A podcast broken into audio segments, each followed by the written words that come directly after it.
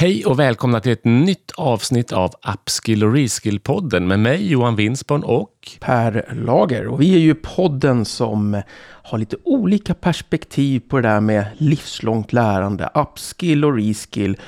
Både när det handlar om case men också om synen på lärande och vart vi är på väg. Vilka trender ser vi där ute? Och vi gästas ju av eh, massor av olika typer av gäster. Det är allt från organisationer som själva satsar och gör smarta, kloka saker inom det livslånga lärandet. Det är forskare och det är ju utbildningsföretag eller utbildningssamordnare som är, som är så viktiga som katalysatorer i systemet för att få det där viktiga att hända, nämligen att lärandet sker. Och idag så har vi just en sån aktör och en VD från en, en riktigt ledande skola. Och det är ju Bergs School of Communication och VD Camilla Wallander. Johan, varför har vi bjudit in Camilla och Bergs? Ja, varför har vi bjudit in Bergs? Bergs är ju en av de mest framgångsrika skolorna för utbildning inom kommunikation, inte bara i Sverige utan i hela världen. Inte mindre än sju gånger under 2000-talet har man utsetts till School of the Year i den prestigefyllda tävlingen Future Lions i Cannes. Och man utmärker sig också med en pedagogik som fokuserar på det man kallar action-based learning, vilket innebär att man inte bara lär sig teorier som student, utan även hur man omsätter det här i praktiken genom verkliga utmaningar från näringslivet. Och Bergs lärare är ju inte bara föreläsare, utan också inspiratörer, där flertalet av dem är ledande experter inom sina yrken. Och Det är också en bidragande faktor till att Bergs inte bara möter upp med utbildningar utifrån arbetslivets behov för att tillgodose vilka kompetenser man efterfrågar, utan dessutom leder och driver utvecklingen av de yrkesroller som behövs på arbetsmarknaden inom just kommunikationsområdet. Och Det här gör ju att Bergs är mycket mer än en skola. Man fungerar i praktiken som ett nav för kommunikation som samlar insikter, erfarenheter och främjar nya samarbeten. Och Den här unika positionen i utbildningssverige och i världen gör dem ju naturligtvis till en drömgäst för att diskutera och inspirera kring upskill och reskill.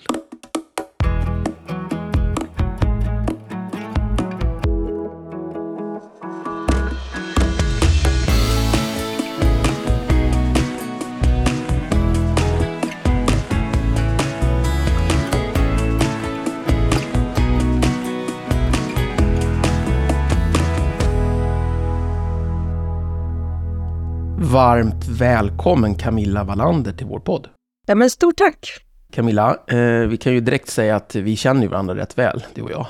Vi har ju jobbat ihop. Ja, men vi har, vi har både jobbat ihop och du har varit min styrelseordförande. Och vi har stått både på scenen och vi har suttit i mötesrum och vi har diskuterat alla möjliga saker tillsammans. Ja, det har varit en fantastiskt kul resa och, och nu ser ju inte lyssnarna det, men bakom dig eh, på ditt arbetsrum nu så står den här lilla statyetten som visar att Bergs just eh, ett år blev eh, ut, utnämnd till världens bästa skola i kommunikation och det var ju fantastiskt kul att få dela de minnena ihop. Men Camilla, Ehm, kan inte du berätta lite? Vem är du och vad, vad gjorde du innan du kom till Bergs och vad är det som driver dig? Och, och lite kanske om din roll på, på Bergs just nu.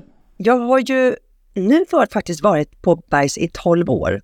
Eh, och det är lite out of character vad det gäller mig, för jag är en person som har ganska snabbt framåt. Jag älskar att utvecklas, jag älskar att eh, hitta nya inspirerande vägar. Eh, men när jag hittar dem, Eh, då är jag kvar där eh, och då utvecklar jag dem och jag tar hand om det på, på bästa sätt, den möjligheten jag har. Så därför så har jag haft eh, ett yrkesliv där jag ändå har stannat ganska länge på mina, mina olika platser. Ifrån civilekonom, marknadsföring, Uppsala, hängde mest på nationen där jag tyckte att jag kunde utvecklas. Eh, ta massa olika, så man, då, man tog olika roller på nationen och det gillade jag eh, jättemycket. Att kunna göra allt ifrån att ordna de stora festerna till att introducera nya recensiorer till, till skolan.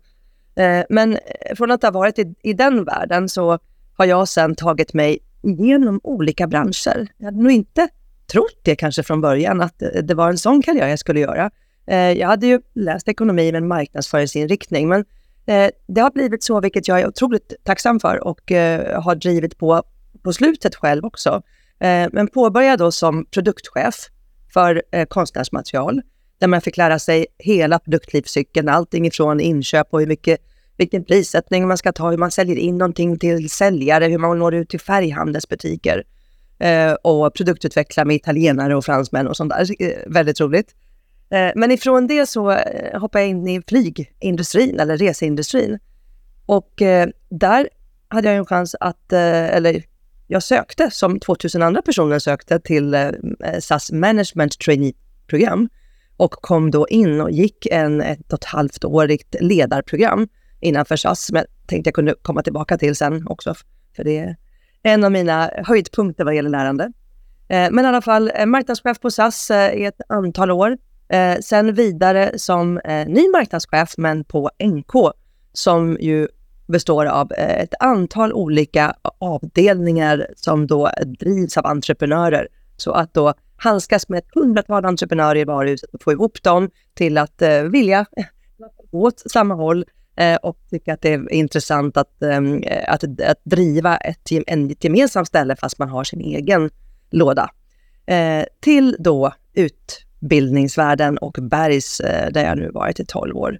Eh, så ett, ett antal olika, eh, olika branscher som har eh, stärkt eh, för, för min del, både mitt lärande och min förmåga att kunna associera och kunna hantera en mängd olika situationer. Fantastiskt, vilken superspännande bakgrund och erfarenhet du har och så rakt in i Bergs. Men kan du berätta lite om att vara VD på Bergs, vad, vad innebär det? Det betyder att man är, eh, man är igång från morgon till kväll. Eh, skulle jag säga. Nej, men det jag älskar med det här jobbet det är att jag har så otroligt många olika arbetsuppgifter. Eh, allt ifrån att eh, jag kan tycka att det är härligt att sitta i kaféet och säga hej till någon av alla fantastiska lärare som kommer in på skolan och bara få ett litet snabbt samtal kring någon som ska in och föreläsa någonstans, till att också plocka någon, någon liten kommentar från någon student om de jobbar med ett case eller något. Att få den liksom, injektionen några gånger om dagen är helt otroligt bra. Sen så sitter jag i jättemycket möten, eh, men det är ju arbetsmöten. Jag sitter och diskuterar saker eh, med allt ifrån marknadsföring för Bergs eh, till någon ny kurs eller något nytt program som vi jobbar med. det kan vara någonting kring vårt lärande kring en lärarträff eller någonting kring vår pedagogik. Vi kan ha en stor kund som vi jobbar med i våra skräddarsydda uppdrag, som jag kanske ska in och föreläsa eller vi resonerar eh, vad vi mer skulle kunna göra. Och så kommunicerar jag mycket själv. Eh, skriver mycket på LinkedIn, har, ja, tar en ganska stort, stor del av vår egen marknadsföring. Superspännande. Tack så mycket för den här uppstarten. Nu har vi lärt känna dig lite grann och lite om Bergs och sådär.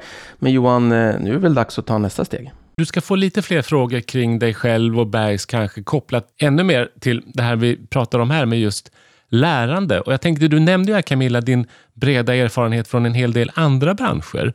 Hur känner du att de har hjälpt dig inom utbildningsbranschen? Har du lärt dig någonting av din, din brokiga bakgrund här som, och fått några insikter som du känner kan ha hjälpt dig just som VD för ett utbildningsföretag, tror du? Eh, det jag har lärt mig att vara i olika branscher är ju framförallt nyfikenhet. Att hela tiden behöva förstå eh, en ny verksamhet. Så att jag eh, älskar ju att ställa frågor. Jag älskar att ställa frågor, jag behöver ställa frågor för att förstå. Och jobbar man eh, med utbildning och vi då som har så otroligt många ämnen, olika ämnesområden, vi har så otroligt många lärare eh, och så många sammanhang vi är i, så är det min största förmåga att eh, ställa frågor för att förstå och sen summera och, och konkludera, sätta en kontext till, till det hela. Det är väl likadant internt bland medarbetare. Jag vet absolut att man kände att jag, eh, att det kanske kändes lite hotande när jag, när jag började som VD, att jag frågade så mycket och för en del uppfattar frågor som eh, att man eh, eh, att man är kritisk. Att man eh, ställer frågor för att man eh, vill pressa på. Och alla har ju med sig sitt minne i kroppen kring när man har blivit pressad eller man, man har med sig hur chefer ska bete sig eller en medarbetare ska bete sig. Och jag vet att jag, jag fortfarande, när jag träffar en del människor, får förklara att jag är nyfiken. Den här nyfikenheten då, hur tar den sig uttryck utanför jobbet? Är, är du nyfiken i privatlivet och på vad då? Jag tror att den är väldigt svårt att stänga av. Är man en nyfiken person eh, som ut, utforskar och som eh, vill uppleva saker, då, då går den inte att stänga av. Utan eh, jag och min familj, vi älskar att resa. Eh, och när vi reser, eh, då vill vi gärna upptäcka nya stadsdelar om vi är i en stad. Eh, vi, hyr cyklar och cyklar runt. Vi besöker alltid något modernt museum eller någon installation någonstans där vi kan få någon ny kick. Vi går på restauranger, testar någon ny mat. Så, så att vi är ganska på. Vi har tågluffat i tio år, hela familjen. Och varit i en mängd olika städer, en mängd olika kvarter. Både för att vi eh, vill hitta nya saker, men att vi verkligen älskar att ta in nya intryck. Och du nämnde ju innan här det här mötet med människor som en viktig del av din vardag. Är mötet med människor också en viktig del när du är ute och reser och, och upptäcker platser? Inte lika mycket att vi hela tiden träffar på och kanske... Vi är inte den familjen som sätter oss vid ett bord och så helt plötsligt pratar vi med alla andra bord. Eh, utan vi har nog samtalet igång i familjen. Eh, och sen så eh, är vi iväg på olika ställen. Naturligtvis pratar vi med personer där och, och har, har samtal, men in, inte så att vi vi bygger upp eh, jättemycket nätverk när vi är ute. Däremot gör ju jag det jättemycket jobbet och min man också. Så vi landar nog lite grann när vi, när vi själva med att vi, vi umgås eh, med vänner och vi... Men i jobben så nätverkar jag ju varje dag. Jag har nya kontakter varje dag Om mitt LinkedIn ja, man, man ser det på mitt LinkedIn, att jag samlar på mig människor. Och när man samlar på sig människor och träffar så mycket som du gör, har du någon person som har inspirerat dig eller fortfarande inspirerar dig i ditt eget lärande? Eftersom jag eh, inspireras av många personer och inte en person, så är det just det att befinna sig i miljö och miljöer där många inspirerar. Det är otroligt viktigt för mig. Att känna att jag på jobbet är eh, på en plats där jag har varit en del av det, att utveckla den kulturen, att vi alla till exempel eh, omvärldsbevakar. Eh, alla, hela personalen är en del av det, så att det kommer ju in kanske tre, fyra, fem gånger om dagen kring någonting som vi tycker är intressant, som absolut inte handlar om utbildning, som handlar om eh, samhället på olika sätt. Eh, naturligtvis är det utbildningsdelar också, men det är väldigt, väldigt brett Ibland så engagerar man sig i en tråd, eh, man eh, lyssnar på en podd eller man tittar på någonting eller man bara kommenterar. Eh, och alla behöver verkligen inte göra, kommentera på allting. Men vi har ett otroligt levande sånt, eh, eh, ja, med nya inspel. Eh, och det är jag beroende av och jag känner det även i mina tidigare jobb, att jag var på platser med varumärken som väldigt många approcherade för att föreslå någonting eller komma med inspel eller bjuda in till sammanhang. Eh, så jag har varit lite eh, bortskämd med det eh, under många år. Som sista fråga, du nämner ju miljöer som inspirerar och du berättade ju innan vi drog igång och vi ser ju hur du sitter här i en ateljé som du har inrett hemma och även Bergs är ju en spännande och inspirerande miljö som ni har byggt upp. Kan du bara kort berätta om de här två miljöerna, Bergs och din egen ateljé. Vad, vad är det som har liksom drivit dig att ha inspirerande miljöer runt omkring dig på det sättet? När jag kom till Bergs eh, så möttes man upp eh, med ett fönster så fort man kom in i, en, i entrén på Bergs, eh, på, på Sveavägen, där, där vi satt tidigare. Och där stod det att allting kommunicerar. Eh, och för mig är det verkligen så att allting kommunicerar, att en miljö påverkar mig jättemycket. Eh, människor påverkar mig jättemycket. Eh, det jag gör om dagarna påverkar mig jättemycket. Så att jag försöker ju i största möjliga mån att eh, få ihop det där. Att Eh, om jag vet att miljön påverkar inte bara mig, utan det, det, påverkar ju alla mycket. Hur kan vi skapa en miljö som är så stimulerande som möjligt? Hur kan vi se till att vi ändrar den hela tiden? Så att den eh, får utvecklas med eh, de som är, jobbar där, eller i mitt fall här nu då hemma, vi som lever här. Ett exempel på det då, när min äldsta dotter flyttade hemifrån här nu då, för eh, ett år sedan, då så gjorde vi lite rockad som många familjer gör. Man gör en rockad i, i hemmet och så helt plötsligt så har man några nya ytor som står där, eh, om man funderar på vad ska vi göra med de här nu då? Eh, det traditionella kanske var att ja, men vi har ett gästrum och vi har ett arbetsrum. Det är det man brukar kalla för sina rum för. Eh, men eftersom jag och min man båda jobbar med kreativitet så tänkte vi nu använder vi sommaren här på någon av middagarna med, med tjejerna och så spånar vi kring vad, vad ska vi döpa våra rum till? Och genom att döpa ett rum, då får man en massa associationer kring hur man ska möblera det och göra någonting av det. Så nu har vi då eh, hotellrum 502 och en ateljé. Och det betyder att vi har inrett ett hotellrum. Eh, jättetrevligt med, med, med det som vi tycker man ska ha på ett hotellrum. Men då kan även vi sova där. Det behöver inte vara så att det är ett gästrum så gäster kommer och sover, utan vi själva kan gå in dit.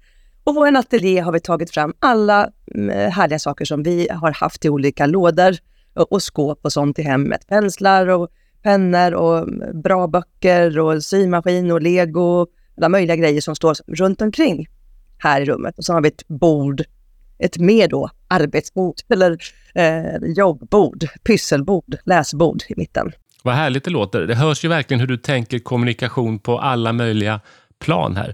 Så inspirerande att höra hur du själv tänker och vad du själv driver på för någonting för att utveckla både dig själv och din omgivning och, och hela Bergs. Men vi är också lite extra nyfikna på det här med hur ser Bergs på lärande? Vad är det, som är, vad är det för, liksom, för fundament som är viktiga när det handlar om ett effektfullt lärande på en så framgångsrik och känd skola som Bergs? Nej, men vi, vi står ju kvar vid det begrepp som eh, den pedagogiken som Bergs har haft under, under alla år och det är action-based learning. Och för mig är det verkligen, verkligen det ultimata lärandet, både som jag tror på för framtiden eh, och eh, som vi få bevis på varje dag. Och om vi bryter ner det, så handlar det om att eh, för att kunna lära sig någonting så behöver man göra någonting. Eh, och för att kunna förstå att man har lärt sig någonting behöver man även prata, man behöver ha ett samtal, man behöver få jobba med feedback. Så att ha eh, ett lärande där man både får inspel ifrån någon som har en, någon kompetens, någon erfarenhet som man själv har varit med om eller någonting som man delar, som man har läst eller upplevt. Eh, har du en sånt inspel, delar du det med andra som har liknande eller annorlunda upplevelser så man får de här nya perspektiven på det som den första personen har sagt, ja men då står inte eh, en kunskap som en sanning, utan då börjar det bli ett samtal kring, betyder det det här? Jag har varit med om det där. Vi, eh, I den här situationen så eh, använder vi det på det här sättet. Ja, men då får du till samtalet och i samtalet föds ju en förståelse. När man sen använder det till att praktiskt göra någonting praktiskt, det kan ju vara allt ifrån en kortare workshop till ett case där du får sätta dig in i det, söka ny information, fortsätta skriva eller eh, formulera eller skissa eller vad det nu kan vara. Eh, då, där, bör, eh, han, där eh, händer det ju saker. Eh, och får du sen berätta det muntligt, vad du har kommit fram till, då får du öva dig att uttrycka det. Eh, och när du uttrycker någonting så blir du själv överraskad vad du har lärt dig. Eh, för ibland eh, säger man saker faktiskt som man inte riktigt har tänkt på, för den, det kommer bara ifrån kroppen. Men också då ha, eh, att kontra det sen med feedback med någon annan som tänker någonting kring det du förmedlar eller det, det, det du med, tillsammans med någon förmedlar. Och så får man till ett till samtal kring det. Och den här att hela tiden använda lite olika typer av input och bearbeta det. Eh, gärna över tid, så att inte allting är på en enda dag, utan man fortsätter då eh, i det klassiska systemet då med en lektion till nästa vecka. Eh, men det kan ju vara på massa olika sätt. På kvällen, eh, morgonen därpå, eh, över en hel helg eller vad det nu kan vara.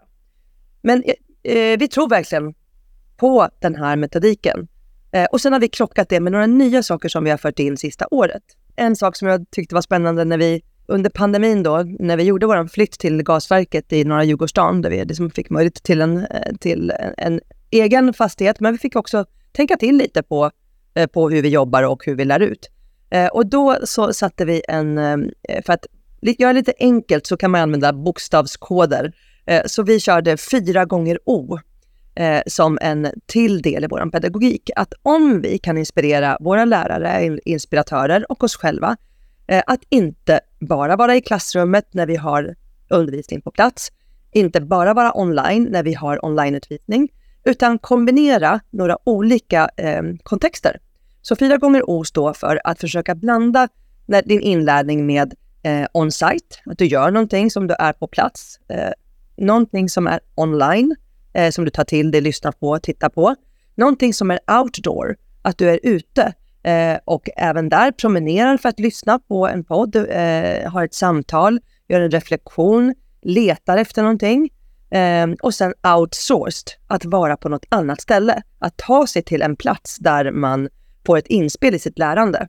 Alltifrån då ett museum, eh, en, eh, en fabrik, en, eh, ja, beroende på vad det är man, man är inne i för lärande. Så fyra gånger då. Ja, men superspännande och, och just att kunna bygga på det där. Det, det känns ju väldigt mycket som Bergs också, att man har en grund att stå på med action-based learning som, som skolan liksom grundades på på 40-talet och att ni hela tiden adderar nya perspektiv på, på lärande. Men min eh, sista fråga på det här blocket, det måste ändå vara, vad är det som gör Bergs unikt? Vad är, det som, är, vad som ligger bakom att ni har blivit världens bästa skola inom kommunikation? Är det de här sakerna eller är det andra? Jag vill lägga till där, det är faktiskt en otroligt stor passion. Att vara passionerad för det man gör. Eh, och när jag anställde någon och när jag blev anställd liksom, en gång i tiden, då var det ju egentligen två frågor som, eh, som ställdes. Och den ena är om man har en passion för kommunikation, för man behöver verkligen en passion för att jobba på Bergs med så många människor. Och den andra delen är om man har ett intresse av att utveckla människor. För det vi säljer, det är utveckling. Så vi säljer utveckling och med det så behöver vi också ha en passion för det vi utvecklar. Det är väl det jag ser när vi, vi går all in verkligen i det vi gör. I allting från när det handlar om våra studenter till när det handlar om våra yrkesverksamma som kommer och tar olika typer av kurser. Försöker göra allt vi kan för att de ska ha en så bra tid hos oss som möjligt. Ett litet kort exempel, eh, inget konstigt alls, men det är ändå bara för att visa på hur vi gör nu. har vi tre dagars kurs då för, eh, eh inom, det är tio stycken olika kurser som, som går intensivt tre dagar. Eh, vi brukar göra det eh, några gånger om året för, att, eh, för alla, alla de som inte har så mycket tid för att utbilda sig och behöver köra på lite grann, lite tajt så. Kanske till och med reser upp till Stockholm från andra, från andra städer i, i Sverige. och då eh, har vi under någon period under de här dagarna, då har vi en, eh, en AV, en, en träff. Och vi har haft det på torsdagen vanligtvis, men nu i år så började vi med den första dagen istället. Eh, så att då kommer alla in, eh, har, gör en första dag och sen så har man en AV där alla får träffas, alla som går de här tio olika kurserna vi bjuder på lite snacks, vi bjuder på en bra stämning. Eh, våra kurskoordinatorer och, är där och har en, en dialog med både med lärarna och, eh, de som läser där. Och då försöker vi skapa den här uh, känslan kring att uh, bygga ett nätverk som är större än bara det för din kurs. Och det här var ett litet sådant exempel. Uh, men att vi lägger till och försöker förfina så att det blir både en upplevelse att gå bergs och en kunskap eh, att gå bergs och att lärarna som ska lära ut är otroligt engagerade och på att verkligen vilja göra det här. Superinspirerande och jag tror att det är lite dags för, för lite reflektion. Eh, och I den här podden så har vi en egen kapellmästare, Ann Winsborn, som eh, bjuder på lite musik så att vi alla kan reflektera lite. Så varsågoda.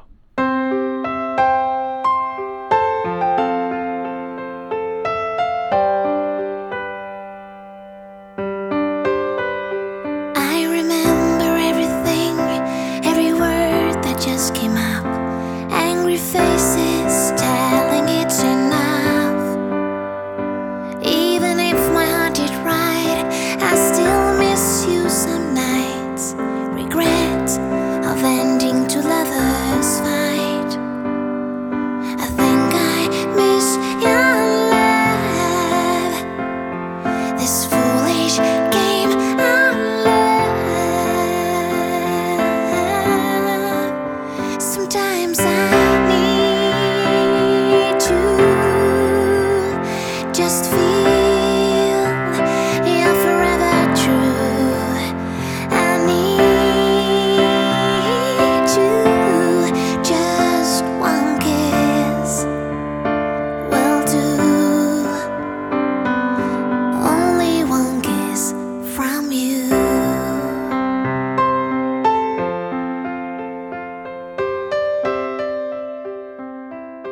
Och Där fick vi ett litet avbrott med musik av vår kapellmästare Ann Winsborn. Och det här är ju podden som pratar upskill och reskill, men vi pratar ju inte bara lärande och kompetensutveckling i största allmänhet med spännande intervjuer med våra gäster, utan när vi tror att vi inte kan lyfta diskussionen ännu mer så gräver vi ännu djupare och det gör vi i form av ett case. Och Camilla, vi vet ju att du har förberett lite case för oss och våra lyssnare att ta del av, eller hur? Ja, det har jag gjort. Jag har några olika, men den en som jag fortfarande bär med mig, en utbildningsinsats som eh, vi har gjort på Bergs, som jag också var en del av. Eh, jag tänkte dra den och det är en tvådagars utbildning i London. Och anledningen till att jag tycker att den är så spännande, förutom att jag älskar att resa själv, så är det att vi eh, gjorde en action-based två session på ett lite speciellt sätt. Eh, vi valde ut en innovationsprocess, en sprint, en, en, en, ett sätt då, en metodik. Vi valde en, av alla metodiker som finns kring hur man tar sig från en, eh, från en insikt till att verkligen göra en prototyp på en ny eh, tjänst eller produkt. Och för att lära ut i den här metodiken, den här processen, eh, så valde vi ut eh, olika typer av eh, konsulter och byråer och individer i London som stod för de här olika momenten i den här processen. Så under två dagar så var vi på fem olika ställen eh, och lyssnade in vad de tänkte då kring, eller deras ehm, eh, inspel, deras kunskap kring det här. Men vi gjorde också så att vi hade en övning vid varenda tillfälle. Så om vi då började med, eh, troligtvis var det väl omvärldsbevakning, eh, en, eh, en omvärldsföretag i London som vi var i Shoreditch någonstans eh, och träffade. Vi lyssnade på hur de omvärldsbevakade och därefter körde vi igång den första övningen kring omvärldsbevakning där de hade då ett case där de fick jobba med. Så den här gruppen av personer körde igång eh, och idégenererade för att hitta något embryo på någon, någonting som finns behov av att eh, utveckla, bara för att ha det eh, med sig då under de här två dagarna. Eh, och så fortsatte vi då eh, med komponent för komponent och reste igenom London Eh, till olika delar. Inte för långt. Eh, jag hade gått runt överallt innan för att säkerställa att liksom, det skulle inte ta för lång tid, att vi hade koll på bussar och allting sånt. För jag bodde i London vid den tiden. Men att både då lyssna på någonting, göra, sen där vi hade nyss då en liten kort reflektion, att man tar sig någonstans. Då kunde vi då prata med varandra, lite småprata med varandra medan vi gick eller tog en buss till det nya stället, hälsa välkommen och se en ny miljö, ett nytt företag, Eh, hoppa in där i ett mötesrum eller i lobbyn, få in deras eh, insikter från någonting som de ville dela, göra en övning, fortsätta promenera eller gå. Helt otroligt. De där två dagarna, eh, vi gjorde dem ett par tillfällen och sen har vi inte gjort dem nu under pandemin, men det var helt otroligt lärande bland alla och ett nätverk, den här grupp, de här grupperna som, eh, som sattes var ju också helt otroligt. Du, du nämnde ju här i er pedagogik de här fyra O'na och hur just outsourced var en viktig del av det.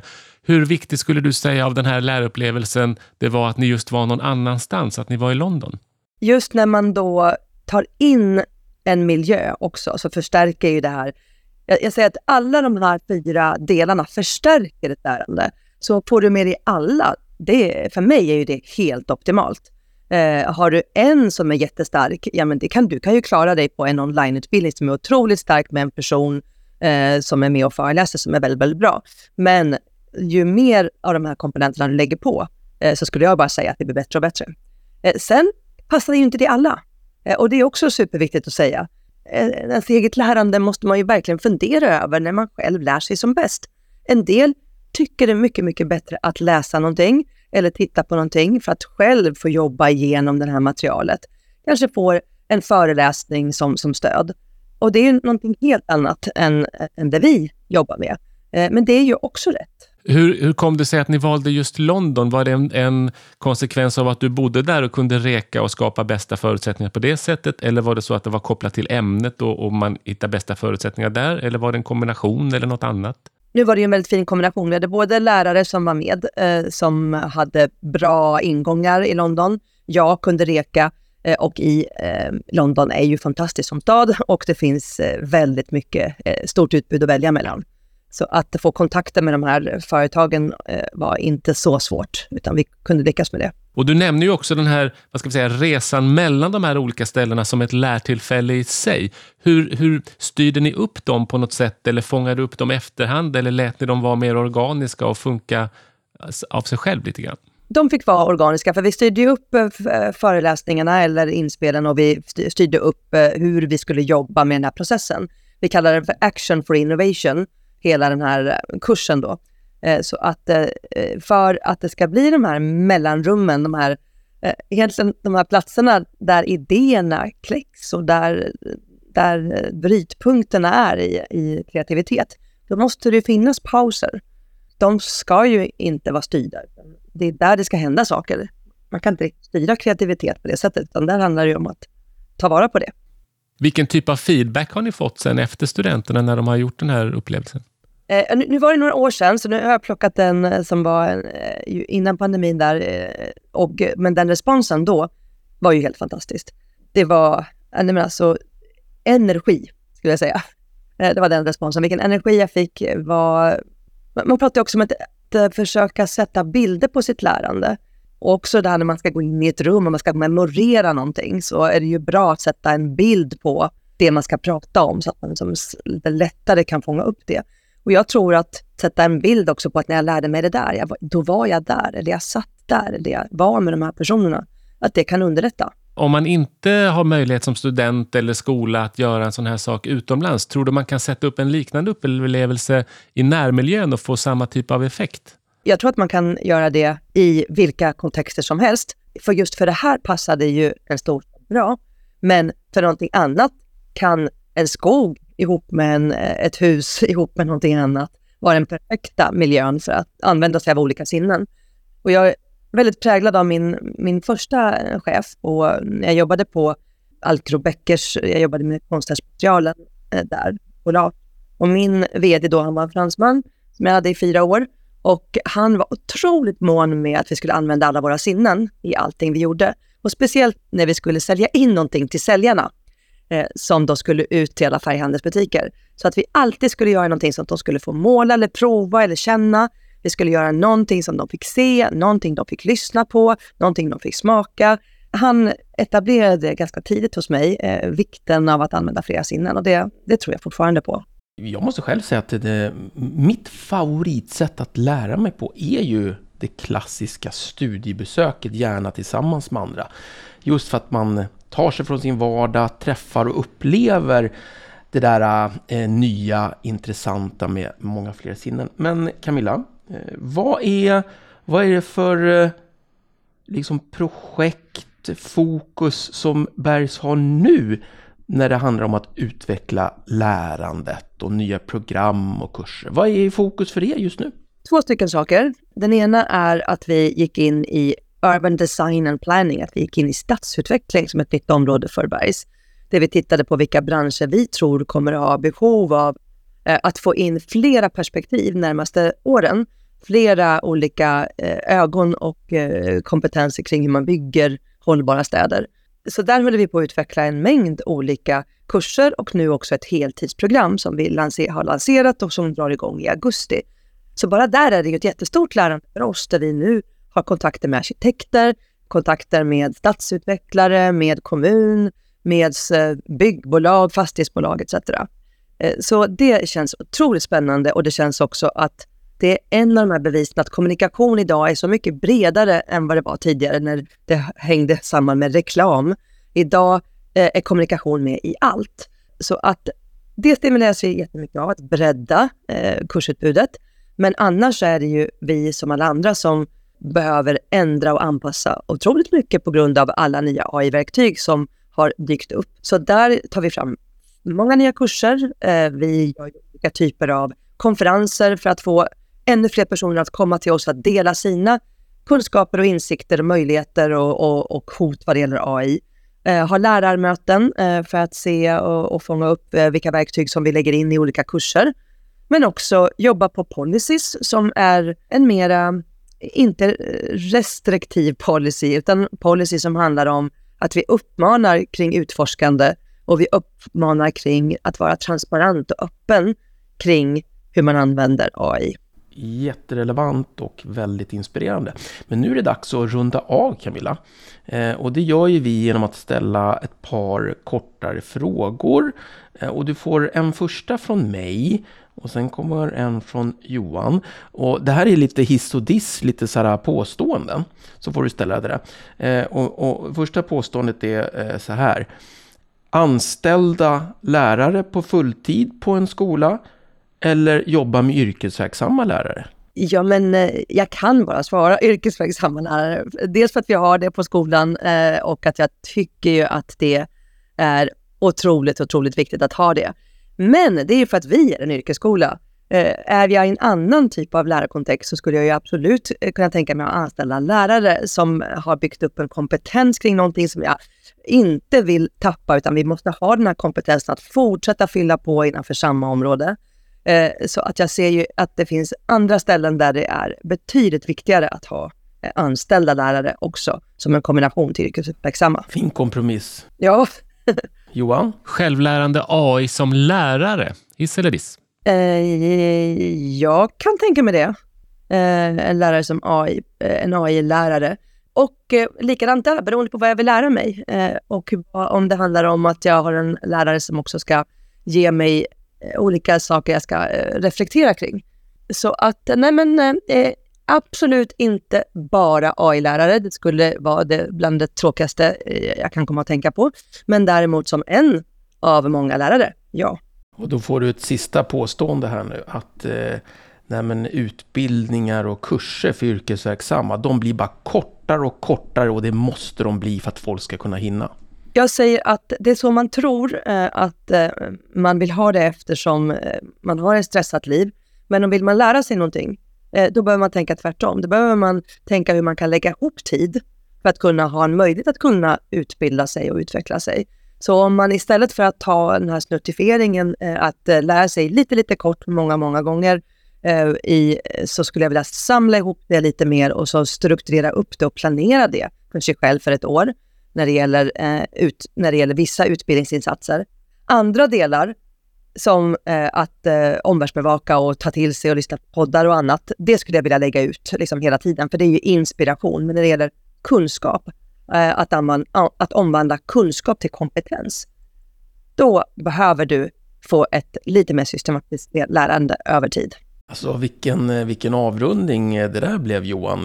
Och jag från min sida vill bara säga supertack för att du var med oss Camilla eh, i vår podd och kom med både massa klokskap och, och engagemang och man känner ju faktiskt den här passionen, energin som du sänder ut också, eller hur Johan? Så är det verkligen. Så att, precis som Per så tackar jag också jättemycket för ett kanonbra samtal om upskill och reskill med dig Camilla. Ja, men jag tackar er också. Det här är underbart att få prata om och jag ser fram emot att få lyssna på flera av era avsnitt framöver också.